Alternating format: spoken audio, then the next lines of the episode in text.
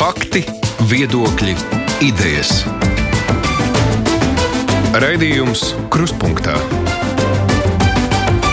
ar izpratni par būtisko.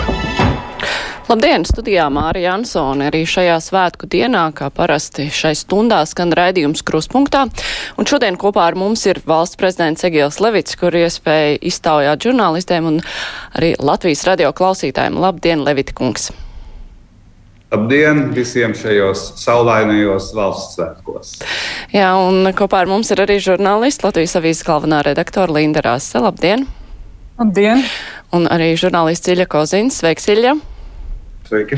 Klausītāji savus jautājumus var uzdot tos rakstot uz adresi kruspunktā Latvijas radio.lv. Var sūtīt arī ziņu no mūsu mājaslapas ēterā skanošajam raidījumam, Latvijas radio viens ēterā skanošajam raidījumam.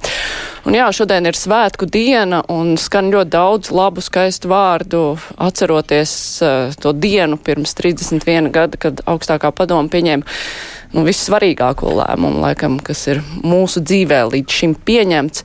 Bet eh, nu, jārunā arī par eh, lietām, kas skar vairāk šodienu un arī saimas darbu. Pagājušajā nedēļā saima eh, kur līdz šim ir lēmums pieņēmusi nu, saistībā ar pandēmiju, vairāk vai mazāk tomēr tādā ciešā sazobē ar valdību pieņēma.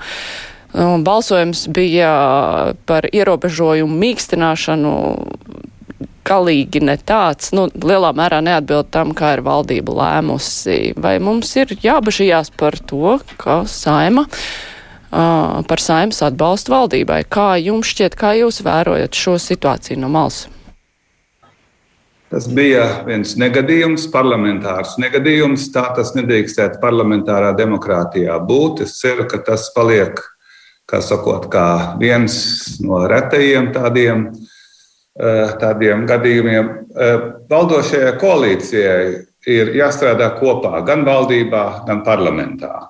Un, eh, ja gadījumā pastāv ilgstoša neusticība no parlamenta puses valdībai, tādā gadījumā ir jautājums par koalīciju.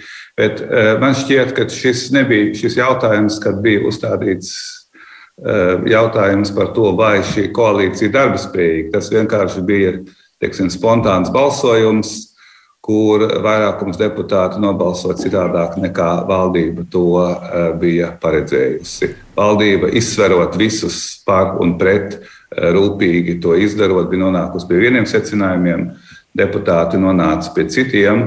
Nu, es teiktu, tas ir tāds eh, vienreizējs gadījums. Bet vai šim parlamentārajam negadījumam nevar sekot citi, ka parlaments sajūt to garšu, kā ir darboties pašam? Izslēgt, izslēgt, protams, to nevar, bet tas ir ļoti slikti pašiem parlamentāriešiem un visai Latvijas valstī. Latvijas valstī ir jābūt stabilai koalīcijai un stabilai valdībai.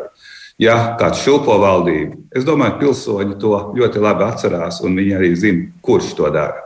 Un tas nu, līdz nākamajām vēlēšanām vairs nav tālu, nepilns pusotrs gads, un pilsoņi to atcerēsies.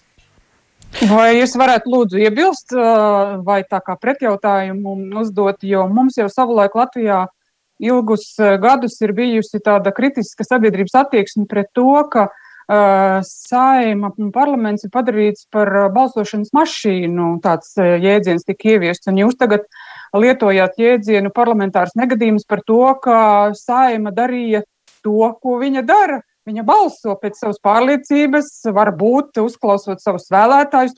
Jā, kādam varbūt var likties, ka kad terasēs pulcēšanās var pasliktināt epidemioloģisko situāciju, bet, bet no otras puses parlamenta loma taču ir balsot. Viņa nevar visam uzklausīt tikai to, kā, kā valdība noliks priekšā, par to arī balsojam. Jā, par to ir, tas ir parlamenta uzdevums. Parlaments ir pilsoņu pārstāvniecība bet pilsoņu pārstāvniecībai ir jāsaskaņo sava darbība ar valdību, kura ir atbildīga parlamentu priekšā. Nevar darīt, eh, teiksim, tā, kā ienāk prātā. Šorīt pieceļos ar labo kāju, balsoju tā, pieceļos ar kreiso kāju, balsoju tā. Tā nav, tas nav profesionāls darbs. Eh, tāpēc es saku, eh, parlamentārai demokrātijai ir savi principi un ir savi noteikumi. Un tie ir visiem zināmi un tie būtu pēc iespējas jāievēro. Un es domāju, ka, eh, ka teiksim, tas nedramatizētu šo notikumu. Es domāju, ka tas mēs tiekam tam pāri, jo koalīcija tomēr ir manā ieskatā darbspējīga. Man tomēr ir jautājums par to stabilitāti, bet eh, drīzāk eh, nevis saistībā ar šo, eh, kā jūs teicāt, parlamentāro negadījumu, kas nesen notika saistībā ar teresēm, bet saistībā ar jūsu pašu iepriekšējiem paziņojumiem. Februārī, ja es nemaldos, apmēram 21. vai ne, 24. datumā Levita kungs, jūs teicāt, ka ja pēc ierobežojuma atcelšanas tie saslimstības rādītāji turpinās pieaugt, tad varētu prasīt atsevišķu ministru demisiju.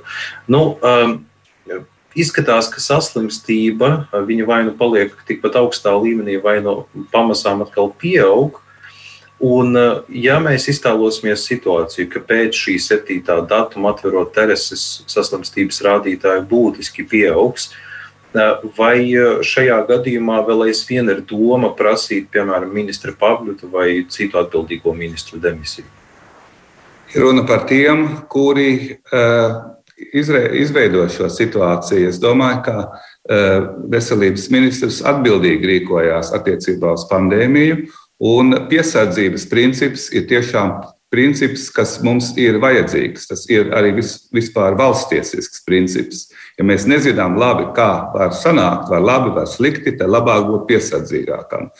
Un es domāju, ka principā valdības politika ir lielā mērā bijusi nu, pietiekoši piesardzīga, tā kā mums nav ļoti dramatiski cēlušies eh, šie saslimstības skaitļi. Un eh, nu, arī nepārāk eh, strauji iet uz, uz leju. Bet nu, sakarā ar to, ka tagad beidzot, nu, beidzot, beidzot mēs esam sagaidījuši uh, masveida vakcinācijas sākumu. Tā kā varētu teikt, ka uh, tomēr ar šo pandēmiju mēs uh, tagad uh, diezgan droši varam teikt, ka tiksim galā. Tātad, tā, jā, jā, jā. Es, es tikai gribētu precizēt, jūs tā arī neatbildējāt uz manu jautājumu. Tad sanāk, ka tā doma par demisijas prasīšanu atsevišķiem ministriem, viņi pagaidām nu, netiek izskatīta nav, e, nav tāda aktuāla situācija, jo patiešām nav ļoti, ļoti dramatiski pieaudzis šis saslimstības līmenis. Ir noturējies tajā līmenī, kā tas ir, nu, šogad ir bijis. Protams, mēs visi būtu priecīgāki, un, un ja būtu gājis straujāk uz leju, bet nu, tas nenotiek. Bet, nu, katrā ziņā valdība ir bijusi pietiekoši, es teiktu, varēja labāk, bet nu, pietiekoši piesardzīga tomēr. Bet, bet, uh, valdības, ja, valdības nestabilitāte ir atkarīga ne jau tikai no pandēmijas, bet arī to, tā, kas notiek tīri tās politiskās uh, svārstības vai tektoniskā, tektoniskās svārstības viņas iekšienē, mm, ņemot vērā KPLV partijas likteni un, un, par, un, un ministru staigāšanu. Un JKP, kā mēs redzam, uztver diezgan greizsirdīgi, ka Nacionālajai apvienībai veidojās lielāks pārsvars valdībā. Un tur jau iekšienē tas saspīlējums tāds lielāks ir, varbūt, ka tur nevis dēļ pandēmijas notiks kādas pārmaiņas, bet partiju greizsirdības dēļ. Jā, es jums piekrītu. Šajā gadījumā jautājums ir drīzāk par koalīcijas iekšējo saskaņotību, par spēju sastrādāt kopā piecām partijām. Tas ir ārkārtīgi grūti, un patiešām, ja mēs paskatāmies, kādas valdības ir izveidojušās Eiropā parlamentārajās demokrātijās, tā Latvijas valdība ir viena no neiespējamākajām koalīcijām. Un tomēr, ka tā ir noturējusies tik ilgi, tas jau ir panākums pati par sevi. Jo alternatīva tad būtu eh, teiksim, mazākuma valdību haoss daudz lielāks nekā tas ir tagad. Tā kā zināms panākums ir, un es ceru, Eh, kā eh, koalīcijas partijas visas sapratīs to un godām, godām patiešām nostrādās to pusotru gadu, kas vēl ir atlicis, lai pēc tam redzētu, kādi būs rezultāti eh, nākamajās vēlēšanās. Tas nav ilgs laiks. Un tur mēs varam vienoties par atsevišķiem projektiem, kas ir šajā laikā jāizdara visas valsts interesēs. Es domāju, ka visās partijās ir saprātīgi cilvēki, kuri to kuri to saprot un, un spēj arī īstenot. Bet tā pozīcija, kas šobrīd ir premjeram, ļaujot partijām pašām tikt galā un tad nu, saprast, tad var šo te izjaukto līdzsvaru atstāt vai nevar atstāt, tad tā ir pareiza, jo nu, tas, ka šīs te dažādās partijas spēja darboties kopā, nu, tas ir lielā mērā tieši premjeru nopelns, ka viņš ir varējis viņus savākt. Šobrīd ļaujot pašiem tikt galā, tas ir pareizi, vai tā tomēr nav bumba ar laika degli? Es domāju, ka premjera taktika ir pareiza. Premjeras necenšas uzkurināt šo situāciju, bet abas partijas, kurām ir domstarpības, tām ir vispirms jāatrisina šis jautājums, lai tas nekļūst par visas koalīcijas jautājumu. Tā ir premjera taktika, un es domāju, ka tā ir pareiza. Kopumā jūs eh, pirms tam minējāt, ka valdība ir eh, darboties spējīga, ka tās rīcība arī saistībā ar pandēmiju ir bijusi nu, piesardzīga situācija, nav uh, strauji pasliktinājusies. Bet, nu, kopumā arī pieņemot lēmumus, kas saistās ne tikai ar slimības ierobežošanu, ar uh, dažādiem ierobežojumiem, bet nu, visu kopumā atbalstu un pārējo, kā jūs vērtētu, tad valdība ir līdz šim darbojusies veiksmīgi veiksmīgi arī vakcinācijas procesu un vispārējo ieskaitot? Es teiktu tā, viduvēji, varbūt gandrīz viduvēji. Eh, bet es saku, tas ir tas jautājums, ko mēs esam ievēlējuši saimā. Mēs esam ievēlējuši tās partijas, kuras tur atrodas, un tā ir tā iespējamā koalīcija, kas nu, kā, nu, tā darbojas, tā tā darbojas. Bet es teiktu, ka viduvēji tā tomēr ir izvilkusi šo laiku, un es ceru, ka varbūt pat uzlabojot šo darbu, jo katrai partijai jau arī ir jāparāda kaut kas vēlētājiem tuvāk pie vēlēšanām, e, ka tā ir spējīga sadarboties. Un tu nevari parādīt vēlēt, vēlētājiem kaut ko ar kaut kādu e, teiksim, nesaprātīgu, agresīvu e, retoriku vai rīcību. Tu vari, padarīt, tu vari parādīt kaut ko pozitīvu vēlētājiem ar savu saprātīgu rīcību, saskaņojot eh, savu eh, politiku kopā visam pārējiem, lai kopā sanāktu kaut kas visiem. Un es domāju, ka eh, šī loģika nu, uz vismaz uz vienu daļu no partijas, partiju politiķiem iedarbosies. Un šis beidzamais pusotrs gads būs, nu, būs pietiekoši solīts.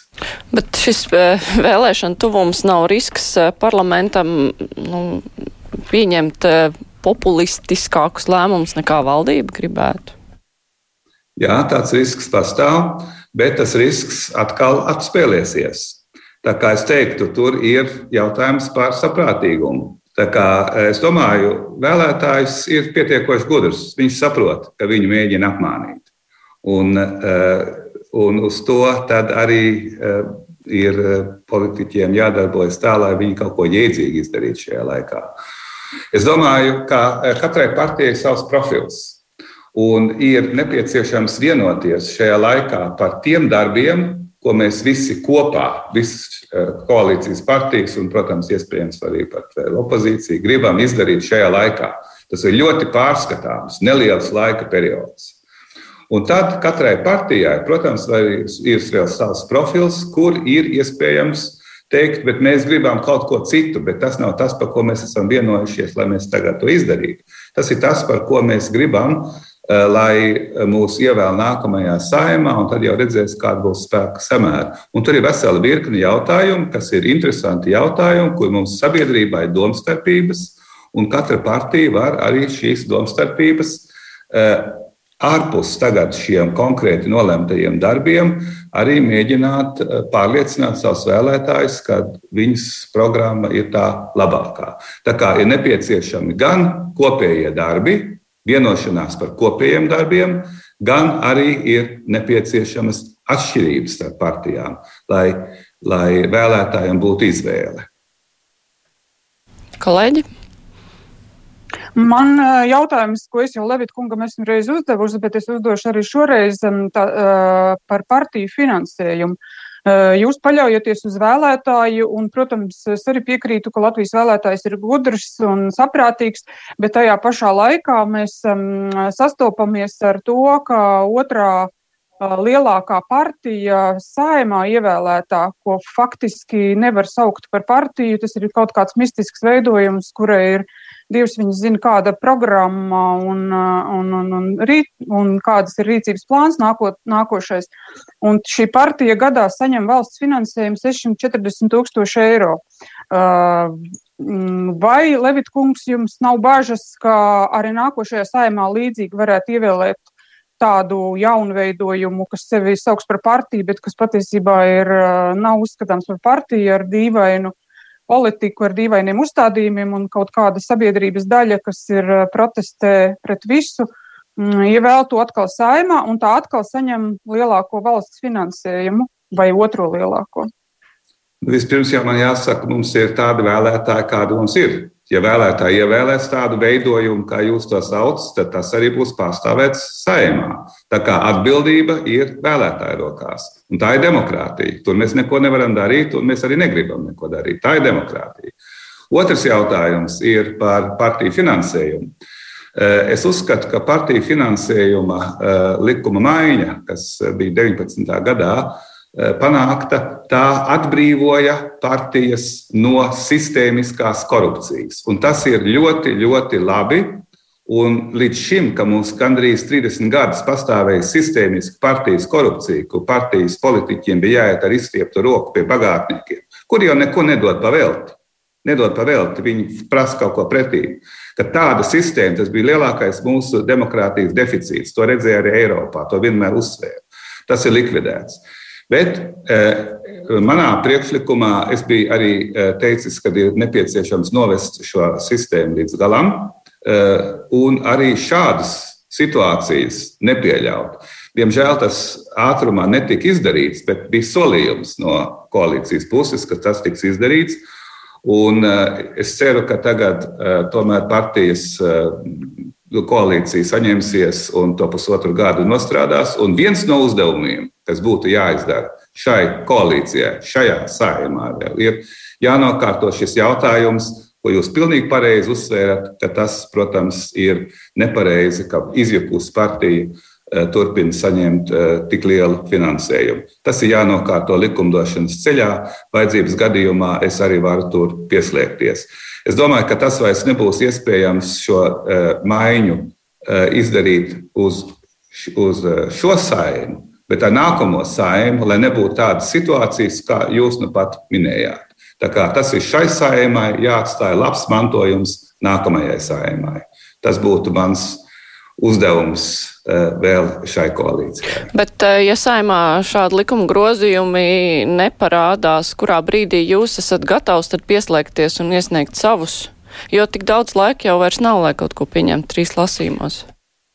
Es esmu nesen ticies arī ar knābu vadītāju par šo jautājumu. Ir jau pirmie rezultāti eh, izvērtēti, kas attiecās uz līdzinējo partiju finansējumu. Starp citu, tie ir labi.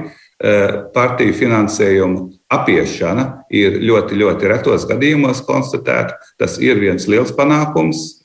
E, taču es domāju, ka man būs jārunā arī tagad vēl ar koalīciju, kā viņi vienosies par tiem turpmākajiem darbiem. Un, ja koalīcija uzskatīs, ka tas būs, būtu jēdzīgi, es labprāt arī pieslēgtos šāda projekta e, sagatavošanai un iesniegšanai saimā.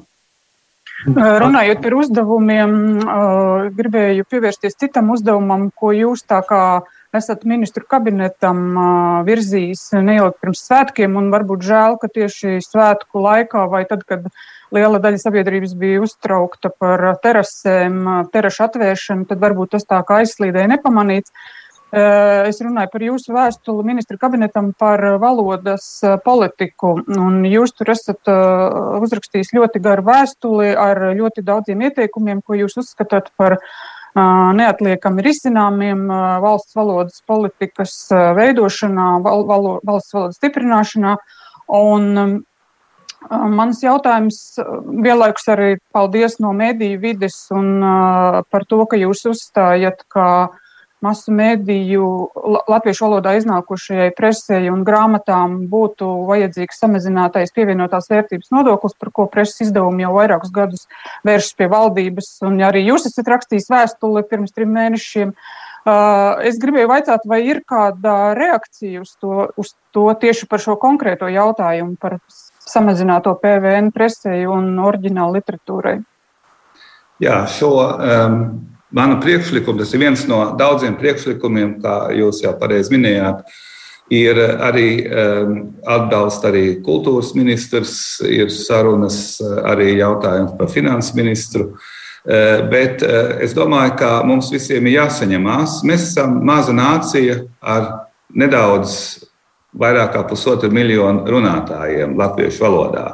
Un mums ir jāiegulda vairāk, lai mūsu valoda būtu e, konkurētspējīga un līdztiesīga ar citām valodām. Mēs gribam, lai latviešu valoda Latvijā ir pilnīgi e, pilnvērtīga visās jomās, un tādēļ mums tur ir vairāk jāieguldās kā citur. Un tur nevar skatīties tur, e, teiksim, uz samērā nelielām summām. Mums ir jābūt mētiecīgam atbalstam latviešu valodai. Un, uh, ir ļoti labi, ka jūs esat iepazinusies ar šo projektu, ar šiem priekšlikumiem. Tas ir politikas eh, priekšlikums, jo politika nedrīkst aprobežoties ar esošās situācijas atgādināšanu. Politika ir vērsta uz nākotni.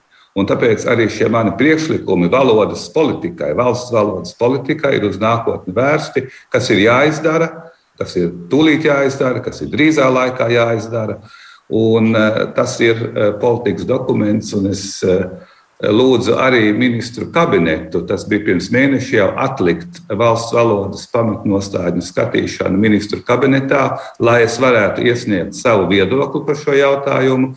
Un tagad, kad ministru kabinets, es nezinu, kad ir paredzēts skatīt šo jautājumu, tad katrā ziņā tas tiks skatīts kopā ar eh, manu viedokli par nepieciešamo valsts valodas politiku mūsu valstī. Jums, tur, jums rosinājumi tur ir ļoti daudz un, uh, un vairāki uh, tajā, ļoti atbalstām, bet man tajā skaitā ir pārdomas, nu, tā, pārdomas un jautājums vienlaikus. Ļoti daudz rosinājumu ir tādi, kas, manuprāt, nav īsti administratīvi risināmi, bet kas ir atkarīgi no pašas sabiedrības. Piemēram, jūs minat, lai, ka mūsu uh, valodā, it īpaši jauniešu valodā, ienāk angļu valoda, kas pārmāca latviešu valodas lietojumu. Un, un, un to nevar. Un tāpat arī krievu valodas prasīšana um, darba tirgu. Uh, varbūt ministra kabinets jums atbildes vēstulē atbildēs, ka normatīvie dokumenti ir sakārtoti. Mums viss ir izdarīts tā, lai valsts valodu aizsargātu. Bet daudz kas ir atkarīgs no pašas sabiedrības, kas praksē gan jaunieši, kas uh, anglicismus lieto savā valodā, jūs saka, jo tā ir vieglāk izteikties, jo latviešu valodā viņiem trūkstot vārdu, lai kādu apzīmētu, vai krievu valodu prasa uzņēmēji un saka, ka viņiem ir jāapkalpo krievu valodu klienti, un tāpēc viņiem darbinieks vai arī priekšnieks runā krieviski, un tāpēc ir darbiniekam ir jāzina krievu valoda arī jebkurā gadījumā. Var sakot, tas, tā, tā ideja, man, man tā doma ir tāda, ka no sabiedrības ir daudz kas atkarīgs, ne jau tikai no normatīviem dokumentiem. Jā, tieši tā. Normatīvie dokumenti nevar vieni paši noregulēt situāciju. Tad tas būtu pavisam vienkārši. Tā ir arī sabiedrības pārliecības jautājums. Un sabiedrībai ir zināma pārliecība, uh, Un eh, mēs eh, diskutējot par šo jautājumu, varam mēģināt arī pārliecināt sabiedrību, kāda ir nepieciešama politika, lai mūsu valoda būtu pilnvērtīga. Pilnvērtīga, tāpat kā tā ir citās eh, valstīs. Nevis, ka ir jomas, kur mūsu valoda netiek lietota vai tiek nostumta malā, tā kā 19. gadsimtā, kad tā vēl bija, ko vācu baltieši sauc par ķēķa valodu. Nē, mums ir pretenzija Mēs gribam pilnvērtīgu valodu visās jomās. Un tas ir atbildība gan atsevišķam pilsonim, eh, lietot šo valodu, un labā līmenī lietot šo valodu, un, protams, arī valsts politika, kas to atbalsta. Tas ir viss kopā. Tāpēc tas ir politikas dokuments, tas nav administratīvs dokuments, tas nav administratīvs akts. Un eh, es ceru, ka ministru kabinets patiešām nopietni diskutēs šo jautājumu. Cita starpā viens no rosinājumiem eh, man bija arī, ka Līdzīgi kā mums ir ārlietu debates, paredzēta saimnes kārtības rullī, reizi gadā ārlietu ministrs sniedz ziņojumu par ārlietu ārpolitiku, par Latvijas ārpolitisko situāciju. Mans viens no rosinājumiem bija ministru kabinets, vai nu tas ir kultūras ministrs vai izglītības ministrs, varbūt pats ministru prezidents, sniedz reizi gadā ziņojumu. par valsts valodas situāciju valstī, un tad notiek parlamentā debatas, kur tiek pievērsta uzmanība šis, šim jautājumam, kas ir izdarīts, kas ir izdevies, kas nav izdevies, kas vēl ir jādara. Tā kā tas ir, eh, tur ir eh, valodas politikā ir iesaistīts patiešām visi iedzīvotāji. Tas nav tikai politiķa jautājums, tas ir visi iedzīvotāji jautājums. Ilja. Jā, paldies par valodas politiku runājot. Man ir ļoti interesanti, kā jūs komentētu to situāciju ar vakcinācijas avīzēm. Proti, pēdējā laikā ir atklājies, ka valsts valodas likums neļauj šīs avīzes izplatīt eh, nevalsts valodā, bet, nu, vismaz kā ziņo atbildīgās personas, tad ir vajadzība izplatīt šīs avīzes arī Krievu valodā tiem cilvēkiem, pārsvarā senioriem, kas, kas valsts valodā nerunā un tad likums to neļauj. Kā jūs komentējat šo situāciju?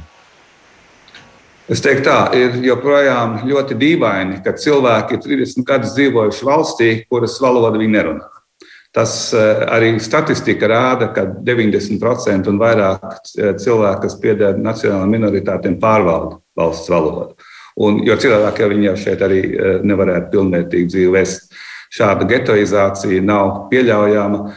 Ir atsevišķas saliņas, kas patiešām tādas, diemžēl, ir joprojām vēl. Un varbūt es biju jau arī izteicies, es to atkārtošu, ka varbūt šajā ļoti specifiskajā izņēmuma gadījumā tas varētu arī tikt teiksim, pieļauts. Bet, nu, principā tam ir jāpaliek tiešām izņēmuma gadījumam, jo mūsu politika ir vērsta uz to, ka valsts valoda ir vienojoša visiem. Nevis šķeļoša, bet vienojoša visiem. Tā, tas ir valsts valodas politikas mērķis.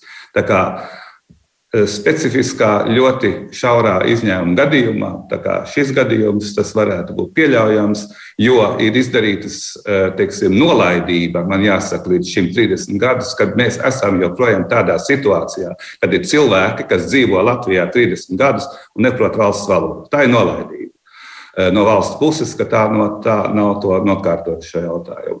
Un tas tikai atkārto vēlreiz to, cik svarīgi ir arī, lai nebūtu nākamajai paudzei šādas problēmas, arī šī eh, izglītības reforma, kas tagad ir jau, eh, kas sakot, pilnā sparā valsts valodā. Tā kā, bet attiecībā uz vakcinācijas avīzes teiktu, nu, šajā ļoti, ļoti specifiskajā gadījumā, kas, protams, ir, ir svarīgs, es teiktu, ka nu, droši vien šis izņēmums varētu tikt pieļauts. Ja jau jūs pieminējāties par izglītības reformu, es jums tomēr uzdošu vienu jautājumu, ko es sākot no 2016. gada apmēram jautāju dažādām amatpersonām, bet tā arī skaidru atbildi neesmu saņēmis. Šeit man interesētu nu, drīzāk jūsu vērtējums un jūsu sajūtas. Tātad izglītības reforma paredz, tātad, ka visas skolas ar laiku būs nu, apmācības latviešu valodā. Bet kā jums šķiet, vai jums ir pārliecība, ka pēc šīs reformas noslēguma tie, nu, teiksim tā, ka mazākumtautību bērni un latviešu bērni ies vienā un tai pašā skolā? Nu, respektīvi, uh, lai nav tā, ka valodas jautājums ir atrisināts, bet būtībā tie bērni nesocializējas savā starpā. Tad vai, vai jums ir pārliecība, ka šī socializācija notiks pēc reformas noslēgšanas? Es domāju, gan mēs visi redzam Eiropā, ka šāda socializācija notiek. Teiksim, imigrantu bērni iet franču skolās. Viņi neiet, neiet teiksim, savās geto skolās. Un eh, es domāju, ka tas ir arī Latvijas modelis. Šis, eh, šis eh, nacionāls valsts modelis, kur nacionālā valoda, nacionālā kultūra ir kopēja visiem. Un tad, protams, ir nacionālās minoritātes, kuriem vēl ir sava mājas valoda, sava otrā valoda, ko viņi lieto arī. Un kur arī var tikt pasniegta skolās. Tas neatiecās tikai uz krievu valodu, tas attiecās arī uz citām minoritāšu valodām. Uh, Eh, tas ir, eh, kā sakot, arī mūsu valsts tai ziņā ir ļoti liberāli salīdzinot ar daudzām citām Eiropas valstīm. Un es domāju, tas ir šis modelis, lai mēs šo koloniālo eh, politikas teiksim, mantojumu pārvarētu beidzot pēc 30 gadiem. Tā kā šis ir ārkārtīgi svarīgs, svarīgs solis, izglītības reforma, protams, arī valsts valodas politika lai eh, pārvarē, pārvarētu mūsu sabiedrības sašķeltību un mēs kļūtu par vienotu nāciju. Es, es, gribēju minēt, es gribēju minēt vienu pozitīvo piemēru, ko, es tagad atcerējos pēc Ilijas jautājuma. Uh, ko es vienmēr paturu prātā, kad, uh, kad tiek skarts jautājums par to, ka Latvijā dzīvojošie krievi jaunieši, viņi, ka viņiem nav īsti vides, kur iemācīties uh, latviešu valodu. Un es vienmēr atceros piemēru ar Aleksandru Samoilovu, mūsu pludmales volejbolistu, kur viņš kādā intervijā stāstījis. Ir, nevienam nav šaubu, ka Aleksandrs Samoilovs lieliski runā latviešu valodā, un es domāju, ka viņš nav arī zaudējis savu identitāti kā krievs. Es, es domāju, viņam nav tādas mocības mācības. Vārds sakot, viņš stāstīja intervijā, ka latviešu valodu viņš ir lieliski iemācījies volejbola treniņos kopā, jo tur lielākā daļa bija latviešu puiši, un viņam nekas cits neatlika kā mācīties. Tātad līdz ar to tā socializācija, krievi, latvieši skolā jauni cilvēki, viņi to veiksmīgi var izdarīt un veiksmīgi integrēties. Tieši tas arī, manuprāt, ir vajadzīgs. Nevis tās segregācijas e, iespējas, kad ir dažādas skolas, krievu skola, latviešu skola, un tā arī katrs savā vidē dzīvo. Un jā. tā jā, veiksmīgi ir. Jā, paldies, Linda, par lielisko piemēru, bet uh, man ir jāatgādina klausītājiem un Latvijas uh, televīzijas skatītājiem vēlāk, ka šodien kopā ar mums ir valsts prezidents Egils Levits, arī žurnālisti Linda Rasa, Latvijas avīzes galvenā redaktora un žurnālists Īļa Kozins. Un mēs tu, turpināsim tūlīt, un mums arī ir sakrājušies klausītāji jautājumi arī par to, par ko mēs runājam šobrīd. Raidījums Krustpunktā. Klausoties šo sarunu, klausītājs uh, raksta, vai latviešu vēsturisko zemi likumu pieņemšanu un to īpatnību, sevišķi latgals pārmērīgu uzsvēršanu publiskajā telpā, neveicinās aneksijas tieksmi no kaimiņu lielvalsts puses, līdzīgi kā ar Donbas un Krimu Ukrainā. Cits klausītājs savukārt vaicā, vai tāda īpaša iestāšanās par latviešu valodu šajā situācijā, kad Krievija ir ļoti negatīvi noskaņota pret Eiropas valstīm, arī nevar veicināt kādu īpaši nu, naidīgu attieksmi saistībā ar mūsu centieniem nostiprināt valodu? Vai ir bažas par to, ka no Krievijas puses varētu nākt kāda reakcija? Pazemība pret agresīvu rīcību nav labākais padomdevējs. Es domāju, mums ir sava pašapziņa, mēs zinām, ko mēs gribam, un mēs zinām, ko mēs darām. Un, e, mēs esam brīva valsts, mēs esam izvēlējušies būt brīva, demokrātiska valsts. Mēs esam izvēlējušies būt brīva nacionāla valsts ar kopējo valsts valodu, un tā ir mūsu politikas, e, tas ir mūsu politikas pamats. Mēs esam Eiropas Savienībā, mēs esam NATO, mēs esam rietumu pasaules sastāvdaļa. E, mēs uh, savu politiku veidojam tādu, kā mēs to vēlamies, nevis kā to vēlās kādas citas valstis. Man jautājums, Runāju, kas izriet, es, bet, kas izriet tieši no šī eh, savā ziņā simboliski, ir, ka lielā Krievijas valsts šo mūsu valsts valodas politiku tiešām arī uztver eh, kā lielo politiku, jo uh, nu pat Krievija ir iekļāvusi mm, sarakst, sarakstā, ko, neielai, ko neielaidīs savā valstī, mūsu valsts valodas centra direktoru Māru Baltiņu. Tas taču arī nozīmē šo, šo Krievijas attieksmi, ko tā izrāda pret mūsu valsts valodas politiku. Kā kopumā jūs vērtējat Jā. šo cilvēku arī Nepal vadītāja iekļaušanu Krievijai nedraudzīgo valsts sarakstā, jo viņi ir cilvēki, kuriem nebūtu arī nekādas eh, darīšanas Krievijā. Tas ir tāds simbolisks solis. Tas ir simbolisks solis.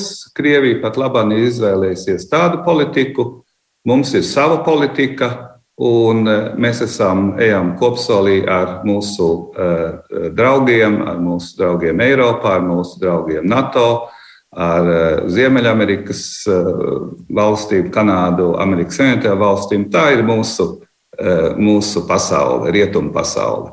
Un, protams, mēs kopā stāvam par šo demokrātisko valsts iekārtu, par tiesiskumu, par uh, sociālo vienlīdzību, par visiem tiem ideāliem, par ko stāv uh, rietumu sabiedrības un par ko stāv arī Latvijas sabiedrība.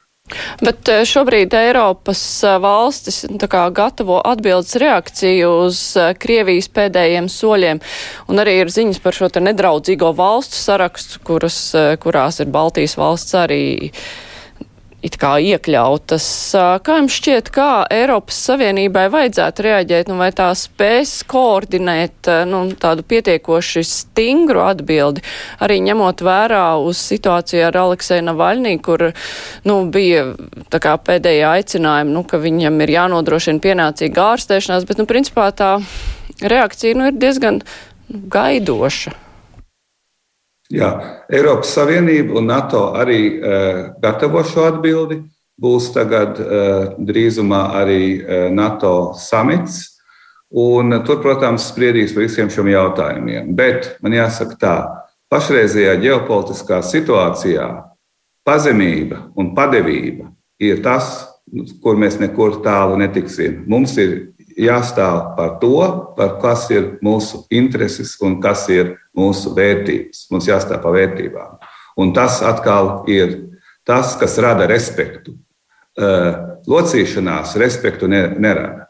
Un es domāju, ka mēs esam pietiekoši pašapziņīgi gan latvieši šeit, Latvijā, gan eiropieši, gan visi rietumi, lai uh, uzsvērtu to, par ko mēs, uh, kas ir mūsu vērtības, kas ir mūsu intereses, un lai mēs to arī ģeopolitiskā situācijā pasaulē varētu īstenot. Ja jau jūs ierunājāties par vērtībām, man arī šī sakarā ir tāds netieši saistīts jautājums.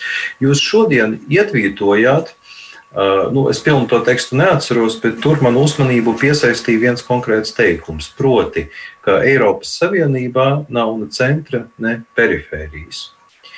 Nu, no otras puses, realitātē mēs zinām, tajā brīdī, kad, piemēram, sākas uh, budžeta sarunas, tātad par naudas pārdali, uh, mūsu zemnieki brauc uz uh, Briseli, lai tautas valodā sakot, sev izsistu lielākas summas. Un šis ir tikai viens piemērs no daudziem, kad attieksme pret Latviju nu, nav īpaši tāda kā jūsu tvītā, ka Eiropā redz nav ne perifērijas, ne centra. Ko jūs gribējāt pateikt ar šo, ar šo teikumu? Uh, jo tas acīm redzami ne īpaši atbilst realitātei. Jā. Es gribēju to pateikt, ka Eiropā patiešām nav metropoles un perifērijas. Mums nav eh, teiksim, tā, eh, kāda Eiropas daļa, kas ir svarīgāka nekā cita Eiropas daļa. Mums vakar bija tikšanās uh, Varšavā sakarā ar pirmās Eiropas konstitūcijas, nu, modernās konstitūcijas 230. gada dienu, kad ir Polijas konstitūcija tika pieņemta 1791. gadā, pirms Franču konstitūcijas, pirms visām pārējām Eiropas valsts konstitūcijām. Mēs redzam, ka idejas nāk no visurienes. Tā nav viens centrs vai viens geogrāfisks vieta, no kurienes nāk Eiropa. Eiropa ir visur. Eiropa ir šeit, Latvijā, Eiropa ir Riezeknē, Eiropa ir Salamankā, Spānijā un visur, kur. Eh, to es gribu teikt, ka visa Eiropa ir vienvērtīga, un eh, mums nav jākaunās par eh, kaut ko, ka mēs neesam, kā sakot, ka mūsu vērtības ir kaut kā sliktākas nekā citas. Es domāju, ka pastāv tiešām, kā jūs sakat, dažreiz varbūt uh, Eiropas rietumdaļā vairāk tā domāšana, nu, mēs esam varbūt advancētāki un, un, un uh, citiem vairāk jāpiemērojas mums, bet mēs sakam, nē. Uh, mēs esam visi eiropieši un mēs esam vienlīdzīgi eiropieši. Tas ir, tā ir šī doma. Un uz to mums jāpastāv. Atkal saku, šī ir šī pašapziņa, ko mēs nedrīkstam, no kā mēs nedrīkstam atkāpties. Ja mēs atkāpsimies, tad mūs arī nerespektēs. Kā sakot, respekts uz pašapziņas pamata un respekts uz vērtību pamata. Tas ir, ir mūsu nostāja Eiropā, pasaulē un, protams, arī šeit Latvijā. Klausītājs eh, vaicā, Levita kungs, lūdzu izskaidrojiet, kādēļ rietumu valstis tā iestājas par Navaļniju, sūta petīcijas, plāno sankcijas. Viņš tiešām ir tāda demokrātijas cerība Krievijā, par Ņemcovu kādreiz tā necīnījās, lai gan viņi pat nogalināja. Jā. Navaļņīs ir kļuvis par opozīcijas simbolu Krievijā. Eh, viņš, protams, ir politiķis, tāpat kā daudz citi opozīcijas politiķi, bet viņš ir kļuvis par simbolu. Un šeit mēs redzam to, eh, ka Krievija nerespektē eh, opozīciju, nerespektē demokrātiskās brīvības, un tas ir pilnīgā pretrunā ar to, ko, kas ir Eiropiešu vērtības. Un, ja mēs esam nopietni, ja mēs sevi ņemam nopietni, tādā gadījumā mēs nevaram pievērt acis tam, tad mums ir kaut kas jāsaka. Un to mēs arī sakām skaļi un skaidri, bet eh, korekti. Eh, tā kā mūsu nostāja ir darīta zināma, eh, un, protams, arī Krievijai jārēķinās ar konsekvencēm. Ja grib sadarboties, tad, protams, arī jārēķinās ar to, kas ir mūsu vērtības. Bet eh, nu, kāda kopumā ir nu, jūsu vīzija par to, kā vispār var attīstīties tālāk attiecības ar Krieviju, jo mēs redzam, kas tur notiek iekšpolitiski, mēs redzam, ka, kāda ir retorika no eh, dažādu Krievijas amatpersonu puses. Nu, kā jūs redzat, kā tas viss varētu attīstīties tālāk? Es domāju, ka rietumu nostāja pret Krieviju ir, uh, tur ir divi virzieni. Viens ir stingrība, un uh, mums ir sava nostāja. Un no tās mēs neatkāpsimies. Mēs kā demokrāti nedrīkstam no tās atkāpties. Tad mēs zaudēsim cieņu mūsu pašācīs. No tā mēs neatkāpjamies. Bet vienlaicīgi mums ir dialoga piedāvājums ar citām valstīm, ar Krieviju. Kādā veidā mēs varam šīs attiecības uzlabot. Un tas ir Krievijas Jautājums, vai Krievija šo dialogu pieņem vai nē, pat labi tā ir atturīgāka, citos, eh, citos posmos tā eh, labprātāk iegāja dialogā ar, ar rietumiem. To mēs redzam, bet tas atkarīgs no Krievijas. Tātad pastāvība, stingrība no vienas puses un dialogs no otras puses, dialogu piedāvājums. Un, eh, un šis dialogu piedāvājumu pieņemšana ir Krievijas jautājums. Mēs labprāt redzētu, ka Krievija šo dialogu pieņemtu. Kolēģi? Uh, labi, man ir jautājums, atkal atgriežoties pie Latvijas, varbūt tuvāk uh, par mūsu valsts iekšējo drošību. Un šajā blokā man ir vairāk jautājumu, bet sākšu ar pirmo aktuālāko. Tātad, uh, nu, pagājušo nedēļu notika šis šausmīgais, nu, es, es nezinu, cik negadījums, bet nu, notika tas hostelis Rīgas centrā, Merķiļienā. Nu, spriežot pēc atbildīgo iestāžu atbildēm, tajā preses konferencē, kas, kas sekoja šim notikumam. Tur bija viens tāds ļoti izteiksmīgs brīdis. Es esmu pārliecināts, ka visi to ir noskatījušies.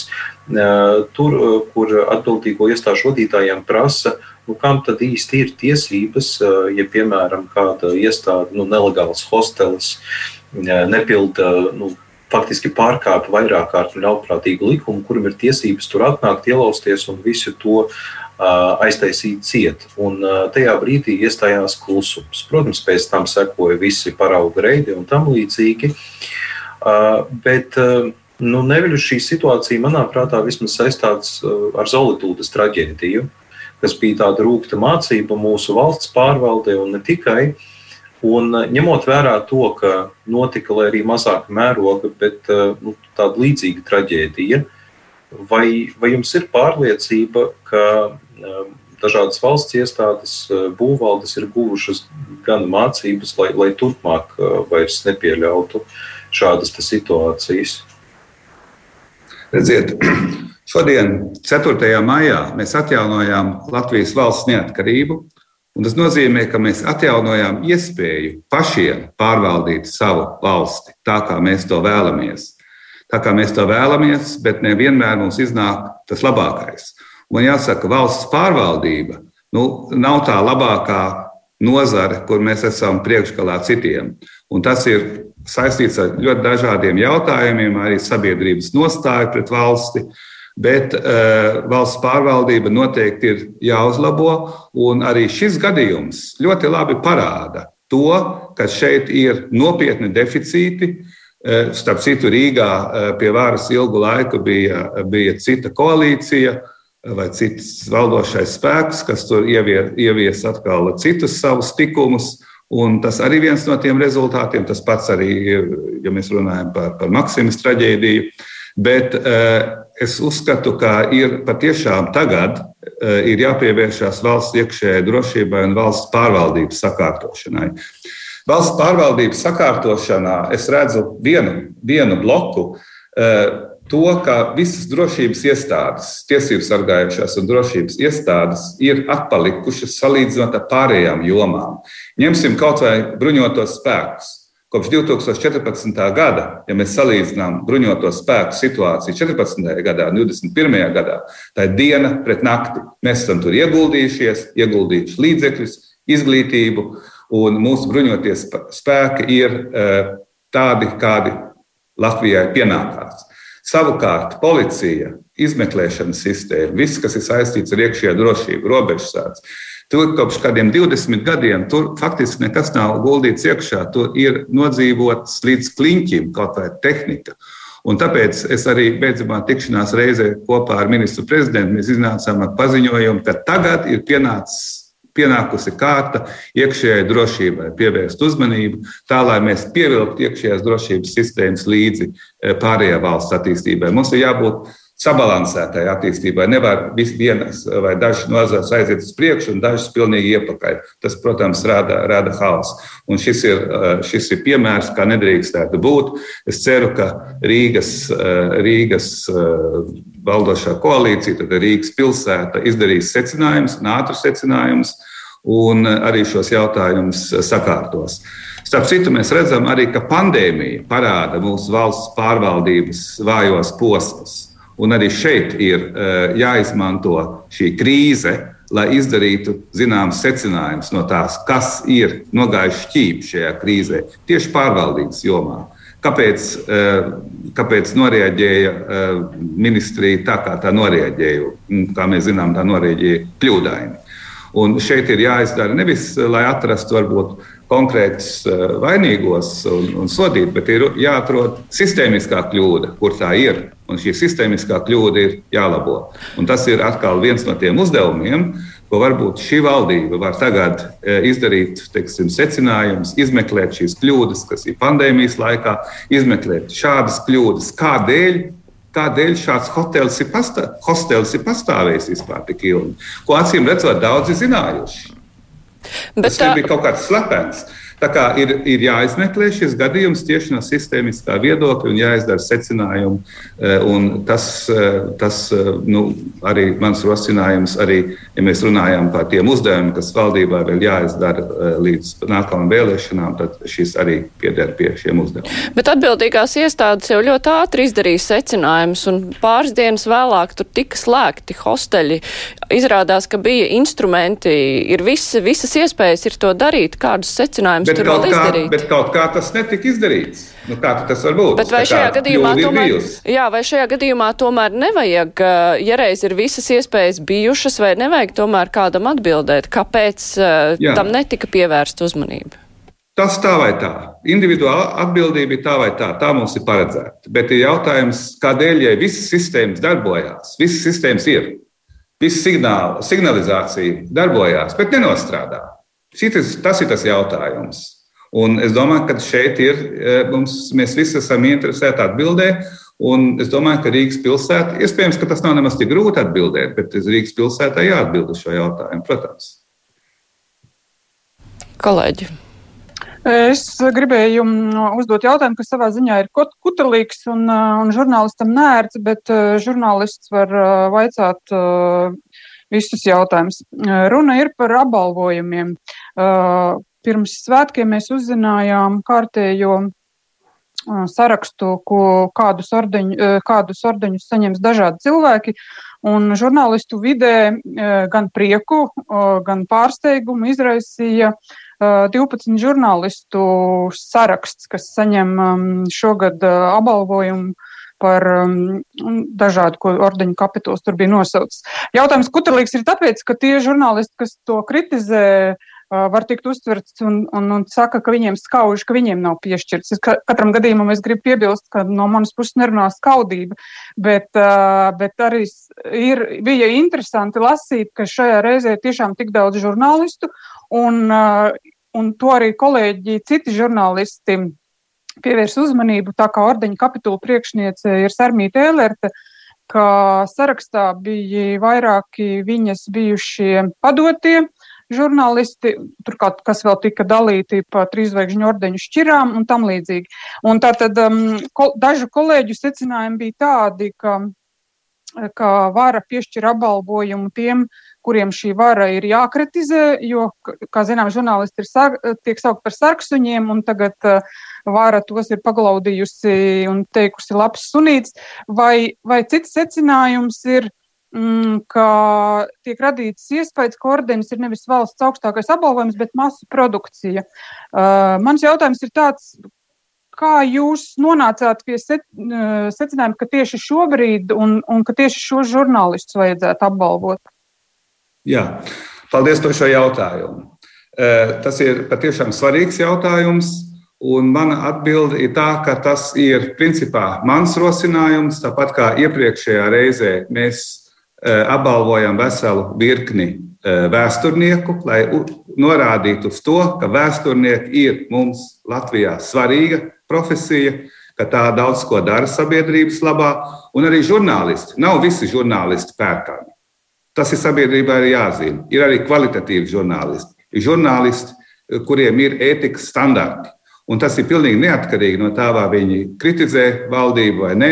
Labs žurnālists nav aktīvists, bet labs žurnālists ir analītiķis. Jo mēs, kā lasītāji, arī politiķi ir lasītāji. Politiķiem un visiem pārējiem lasītājiem ir vajadzīga laba analītika. Un to var dot tikai kvalitatīvi žurnālisti.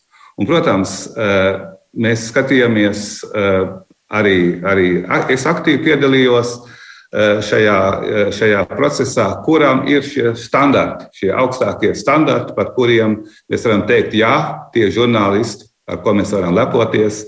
Tāpat kā ir žurnālisti, ir vēsturnieki, par ko mēs varam lepoties, ir mākslinieki, ar kuriem mēs varam lepoties. Un es domāju, ka žurnālistu profesija ir ārkārtīgi svarīga, jo uh, demokrātija balstās uz mēdījiem, un mēdīja balstās uz kvalitatīviem žurnālistiem. Ne visi žurnālisti ir kvalitatīvi. Un, eh, ja mēs gribētu, mēs varētu paņemt, piemēram, vienu portālu lapu vai vienu avīzes lapu un sasvītrot ar sarkano visu, kur ir stila kļūdas, kur ir satura kļūdas, kur ir vienkārši muļķības un tā. Tā kā atrast uh, labu standārtu nemaz nav tik vienkārši. Nu, mēs esam to centušies, un es domāju, ka tas rezultāts ir. ir... Bet vai par to ir jāpiešķir trīs zvaigžņu ordeņi, jo principā labu kvalitatīvu žurnālistiku var atbalstīt, sabiedrība ar to, novērtējot vai pašu žurnālistu vidē ar savām profesionālajām balvām? Jā. Protams, to var darīt, bet nu, trīs zvaigžņu ordenis ir valsts apbalvojums. Mediķi arī saņem valsts apbalvojumu. Ir ļoti daudz labi mediķi, bet ir izcili mediķi, kurus saņem šo apbalvojumu. Un tāpat ir arī izcili žurnālisti, kur ir ļoti daudz arī labu žurnālistu. Ir, protams, arī ļoti daudz sliktu žurnālistu. Es viņus tagad nenosaukšu visus. Ja? Būs pārāk garš saraksts. Bet, eh, bet, eh, bet eh, es, te, es gribu teikt tā, neviena profesija nedrīkst tikt diskriminēta. Arī žurnālistu profesija nedrīkst tikt diskriminēta. Mums ir labi žurnālisti, ar ko mēs varam lepoties, un kuri ir neatkarīgi, iekšēji neatkarīgi, kuriem ir šis ētikas standarts. Un tas bija šī grupa. Nākamreiz mums atkal būs cita grupa. Un tieši šis ir varbūt nu, šīs manas mana mandāta laika tāda, tāda izpausme, kad es labprāt katru reizi gribētu izcelt kādu īpašu grupu. Mums ir vienmēr visi, bet arī kāda īpaša grupa. Pagājušajā reizē bija vēsturnieki, šogad, eh, šogad vai šoreiz bija žurnālisti. Nākamreiz atkal būs kāda cita grupa, lai parādītu šo profesiju eh, vai šo, šo nodarbi, ka tā ir mūsu valstī svarīga, mūsu sabiedrībai svarīga. Un tie šoreiz bija žurnālisti. Un es patiešām esmu gandarīts, ka, ka tas ir. Un šie žurnālisti, kas sakot, pilnīgi neatkarīgi, viņi var rakstīt, ko viņi grib, bet galvenais ir standarts, standarts, standarts, standarts. Jā, un es savukārt teikšu paldies valsts prezidentam Megīlam Levitam, ka varējāt būt šajā svētku dienā Latvijas radio ēterā. Paldies arī kolēģiem. Iļa Kozins, eh, žurnālists, bija kopā ar mums, arī Latvijas avīzes galvenā redaktora Linda Rasa. Paldies, ka varējāt piedalīties. Šodien raidījums izskan raidījuma producente Evija Junām un studijā biju es Mārija Ansona. Visu labu, un mēs tiekamies arī rīt. Visu labu!